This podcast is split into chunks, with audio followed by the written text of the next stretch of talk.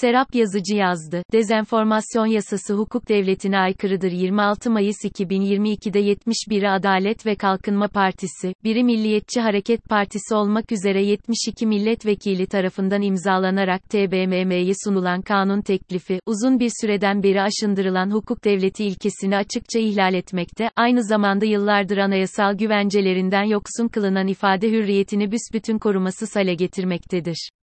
Kamuoyunda dezenformasyon yasası olarak adlandırılan teklifin resmi adı, basın kanunu ile bazı kanunlarda değişiklik yapılmasına dair kanun teklifi şeklindedir. 40 maddeden oluşan teklif, halen yürürlükte olan 24 kanun üzerinde 52 değişiklik yaparken bu kanunlara 3 geçici madde ve 8 ek madde eklemektedir. Bu yönüyle teklif, içeriği bir kenara bırakılsa dahi hukuk devleti ilkesinin hukuk normlarının erişilebilirliği ve öngörülebilirliği yönünden önemli bir anayasaya aykırılık sorunu içermektedir. Ne var ki teklifin yol açması muhtemel sorunlar, hukuk devleti ilkesiyle oluşturduğu çelişkiden ibaret değildir. Takibi, hukukçular yönünden dahi fevkalade zor olan teklif metninin belki en can alıcı yanı, bu teklifin demokrasinin olmazsa olmaz unsuru olan ifade hürriyetini büsbütün güvencesiz hale getirmesi, bu yönüyle gene demokrasinin vazgeçilmezlerinden olan eleştiri hürriyetiyle muhalefet hakkını neredeyse ortadan kaldırmasıdır. Bu yazıda teklifin hukuk devletini ihlal eden yönünü inceleyeceğim. Müteakip yazımda ise teklifi, insan haklarına saygılı, demokratik devlet kavramları yönünden ele alacağım. İfade hürriyetinin bu iki kavramla oluşturduğu zorunlu bağ nedeniyle teklifi ifade hürriyetini ihlal eden yönüyle de değerlendireceğim. Teklif metninin hukuk devleti ile çelişkisi akademik bir çalışmamda belirttiğim gibi, hukuk devleti ilkesi, kısaca bireyin varlığını, onurunu, hak ve özgürlüklerini korumak amacıyla devlet otoritesinin hukuka uygunlukla sınırlandığı bir sistem olarak tanımlanabilir. Bu tanımın, biri şekli diğeri maddi olmak üzere iki boyutu mevcuttur. Tanımın şekli boyutu, devlet otoritesinin hukuka uygun davranmakla yükümlü olmasını ifade etmektedir. Bu otorite, yasama, yürütme ve yargı organlarıyla ve idari makamların fonksiyonları aracılığıyla tezahür ettiğine göre, hukuk devletinden söz edebilmek için bütün bu organ ve makamların, her tür eylem ve işleminde, hukukun üstünlüğünü dikkate almaları gerekmektedir. Ne var ki hukuk devleti, sadece bu şekli boyutun mevcut olmasıyla ulaşılabilecek bir hedef değildir. Bir hukuk devletinde, devlet otoritesini hukuka uygun kılmakla ulaşılmak istenen asıl amaç, bireyin varlığını, onurunu, hak ve özgürlüklerini, bu otorite karşısında korumaktır. Bu öz olmadıkça, sadece hukuka uygunlukla sınırlanan bir devlet, hukuk devleti değil, olsa olsa kanun devleti olacaktır. Bir, ampirik örnekler ve teorik çalışmaların gösterdiği gibi, sadece şekli hukukiliği esas alan kanun devleti, devlet otoritesini güçlendirmeye hatta sınırsız hale getirmeye odaklanırken nihai amacı bireyin onurunu, varlığını ve haklarını devlet gücü karşısında korumak olan hukuk devleti, bu gücün sınırlanması yoluyla anayasal hak ve özgürlüklerin korunmasına odaklanmaktadır.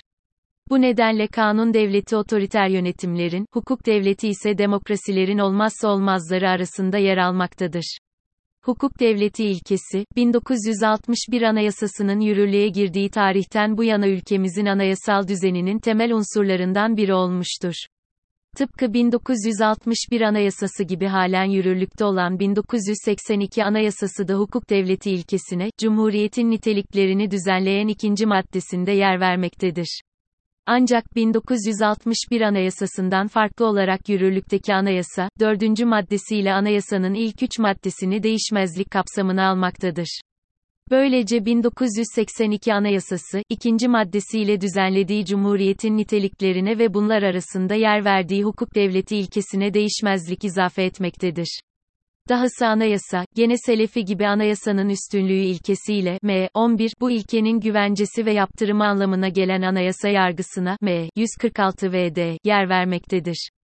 Üstelik anayasa, anayasanın üstünlüğü ilkesini sadece kanun koyucuyu değil, devletin tüm organ ve makamlarını bağlayan bir hüküm şeklinde düzenlemektedir. Bu maddeye göre, anayasa hükümleri, yasama, yürütme ve yargı organlarını, idare makamlarını ve diğer kuruluş ve kişileri bağlayan temel hukuk kurallarıdır. Kanunlar anayasaya aykırı olamaz. Nokta tırnak işareti. Şu halde bu madde karşısında yasama, TBMM, kanun yaparken, yürütme, şu anki sistemde Cumhurbaşkanı, kanunları uygularken, yargı ise hukuki uyuşmazlıkları çözüme bağlarken hukuk devletinin gereği olarak anayasa hükümlerine uymak zorundadır. Anayasa Mahkemesi ise yerleşik içtihatlarında hukuk devletini şöyle tanımlamıştır. Anayasanın ikinci maddesinde belirtilen hukuk devleti, insan haklarına dayanan, bu hak ve özgürlükleri koruyup güçlendiren, eylem ve işlemleri hukuka uygun olan, her alanda adaletli bir hukuk düzeni kurup bunu geliştirerek sürdüren, hukuki güvenliği sağlayan, anayasaya aykırı durum ve tutumlardan kaçınan, hukuku tüm devlet organlarına egemen kılan, anayasa ve kanunlarla kendini bağlı sayan, yargı denetimine açık olan devlettir.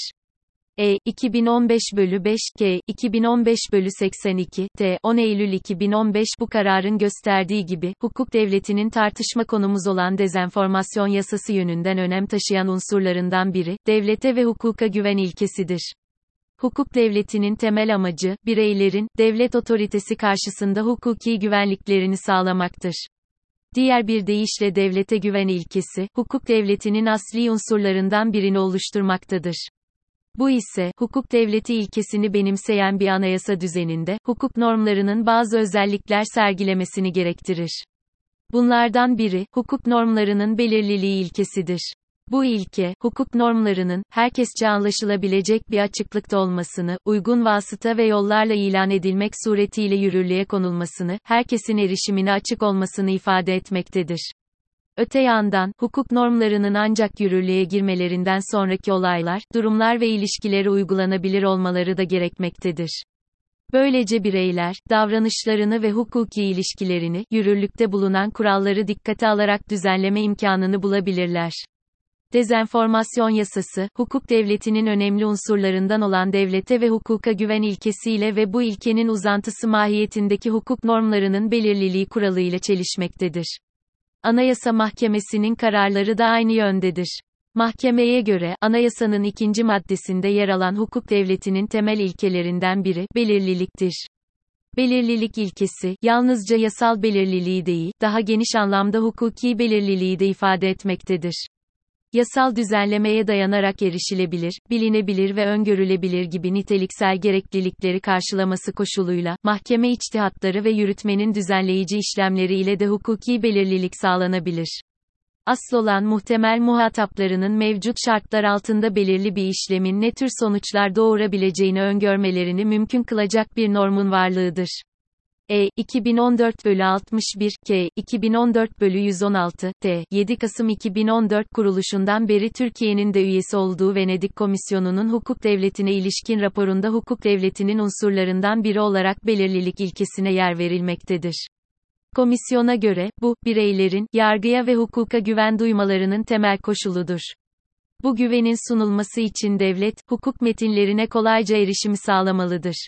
Devlet, bu ilke karşısında, yürürlüğe koyduğu normlara saygı göstermeli, bu normların öngörülebilir usuller çerçevesinde uygulanmasını sağlamalıdır. Böylece bireyler, hukuk normlarının etkilerini öngörmek suretiyle, davranışlarını buna göre şekillendirebilmelidirler. Hukuki belirlilik ihtiyacı, takdir yetkisini ortadan kaldırmamakta, bu yetkinin, bireyin haklarını ihlal edecek biçimde kötüye kullanılmasını engellemektedir. Bu ilke karşısında, yürütme ve idareye tanınan takdir yetkisinin alanı, tereddüde yer bırakmayacak bir açıklıkla tayin edilmeli, böylece, takdir yetkisinin kötüye kullanılmasının yaratması muhtemel hak ihlalleri önlenmelidir. Hukuki belirlilik, hukuk normlarının, açık ve kesin olmasını gerektirmektedir. Bu ise, bir normun kapsamındaki ilişkilerin ve durumların öngörülebilirliğinin güvencesi olmaktadır. Hukuki belirlilik, aynı zamanda, kesinleşmiş yargı kararlarına saygı gösterilmesi ve bu kararların uygulanması gerektiği anlamına gelmektedir. Hukuki belirlilik ilkesinin gereği olarak, temel hak ve hürriyetlerin müphem ve muğlak hukuk kuralları ile çiğnenmesine izin verilmemeli, böylece bireylerin hakları, devlet organ ve makamları karşısında korunmalıdır. 2. Basın kanunu ile bazı kanunlarda değişiklik yapılmasına dair kanun teklifi, yukarıda değindiğimiz gibi, çeşitli kanunların çok sayıda maddesi üzerinde, takip edilmesi ve anlaşılması hukukçular yönünden dahi kolay olmayan değişikliklere yer vermektedir. Bu yönüyle teklif, bireyler için hangi tutum ve davranışların ne tür hukuki sonuçlara yol açacağı konusunda belirsizliklerle dolu bir ortam yaratacaktır. Bu nedenle kanun, hukuk devletinin önemli unsurlarından olan devlete ve hukuka güven ilkesiyle ve bu ilkenin uzantısı mahiyetindeki hukuk normlarının belirliliği kuralıyla çelişmektedir. Teklifin kanunlaşması ve yürürlüğe girmesinden sonra sosyal medya hesaplarında kullanılan sıradan ifadelerin dahi yol açması muhtemel sorunların öngörülebilmesi kolay olmayacaktır. Bu nedenle bireyler, düşüncelerini ifade etmelerinin önemli araçlarından olan sosyal medya hesaplarını kullanmaktan vazgeçecekler veya birkaç cümleden ibaret olan açıklamalarının yol açabileceği sonuçların tedirginliğiyle yaşamaya katlanacaklardır. Gerçekten uzun bir zamandan beri meclise hakim olan çoğunluk, kanun yaparken kanunların amaç unsurunun içermesi gereken kamu yararına odaklanmak yerine, bir grup yöneticinin ve onların çevresindeki topluluğun bugünkü ve gelecekteki menfaatlerini korumaya odaklanmaktadır.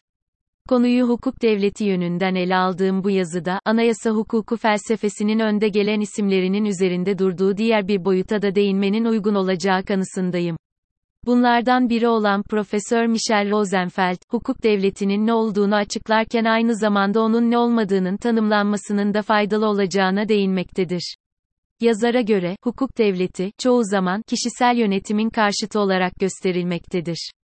Bazı durumlarda, kişisel yönetim, ya da günümüzde diyebileceğimiz gibi, belli bir bireyin yönetimi, genellikle, sınırlandırılmamış ve belki de öngörülemez bir yöneticinin, sınırlandırılmamış ve potansiyel olarak keyfi kişisel yönetimini ifade eder, eğer kanunlar tek taraflı ve keyfi olarak değiştirilebiliyorsa, genellikle bunlara uyulmuyorsa, ya da yönetici ve onun yardımcıları düzenli olarak hukukun üzerinde kalıyorlarsa, hukuka göre yönetim de, kişisel yönetime dönüşebilir.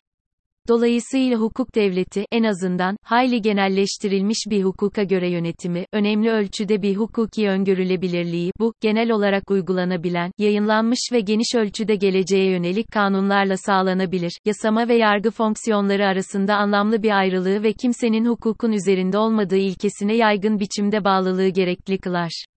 Bununla tutarlı olarak, bu asgari şartları karşılayan herhangi bir hukuki rejimin, dar anlamda, hukuk devletinin şartlarını karşıladığı düşünülebilir. 3. Bu açıklamalar, Türkiye'nin Cumhurbaşkanlığı hükümet sistemine geçişten sonra sergilediği tablonun, Rosenfeld'in hukuk devletinin ne olmadığı yönündeki ifadeleriyle örtüştüğünü göstermektedir. Gerçekten uzun bir zamandan beri meclise hakim olan çoğunluk, kanun yaparken kanunların amaç unsurunun içermesi gereken kamu yararına odaklanmak yerine, bir grup yöneticinin ve onların çevresindeki topluluğun bugünkü ve gelecekteki menfaatlerini korumaya odaklanmaktadır. Sadece bu unsur dahi Türkiye'nin hukuk devleti olmaktan hızla uzaklaştığını göstermektedir dezenformasyon yasası olarak bilinen teklif de kamu yararını koruyacağı izleniminin gerisinde aslında izlenen politikaların bilimsel ve gerçekçi olarak tartışılmasını, kamuoyunun bu konuda bilgilendirilmesini önlemeyi hedeflemektedir.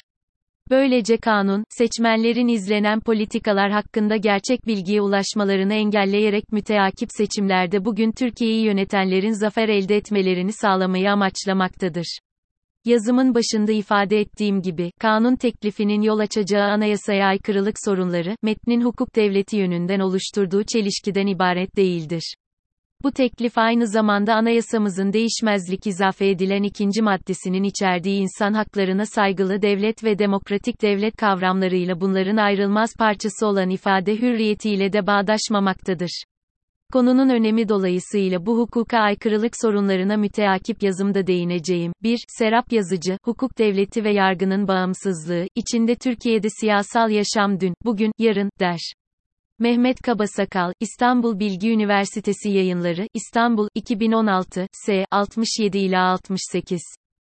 2. European Commission for True Law, Venice Commission, Report on the Rule of Law, adopted by the Venice Commission at ITS 86 TH Plenary Session, Venice, 25 ila 26 Mart 2011, Strasbourg, 4 April 2011, https 2. www.venice.co.in slash webforms slash documents slash default.aspx soru işareti pitfile eşittir cdl tirat sol parantez 2011 sağ parantez 003 3 Rev-E, Serap Yazıcı, Hukuk Devleti ve Yargının Bağımsızlığı, içinde Türkiye'de siyasal yaşam dün, bugün, yarın, der. Mehmet Kabasakal, İstanbul Bilgi Üniversitesi Yayınları, İstanbul, 2016, S. 71. 3. Michel Rosenfeld, The Rule of Law and the Legitimacy of Constitutional Democracy, Southern California Law Review, Vol. 74, 2001, S. 1313, Serap Yazıcı, Hukuk Devleti ve Yargının Bağımsızlığı, içinde Türkiye'de Siyasal Yaşam Dün, Bugün, Yarın, der.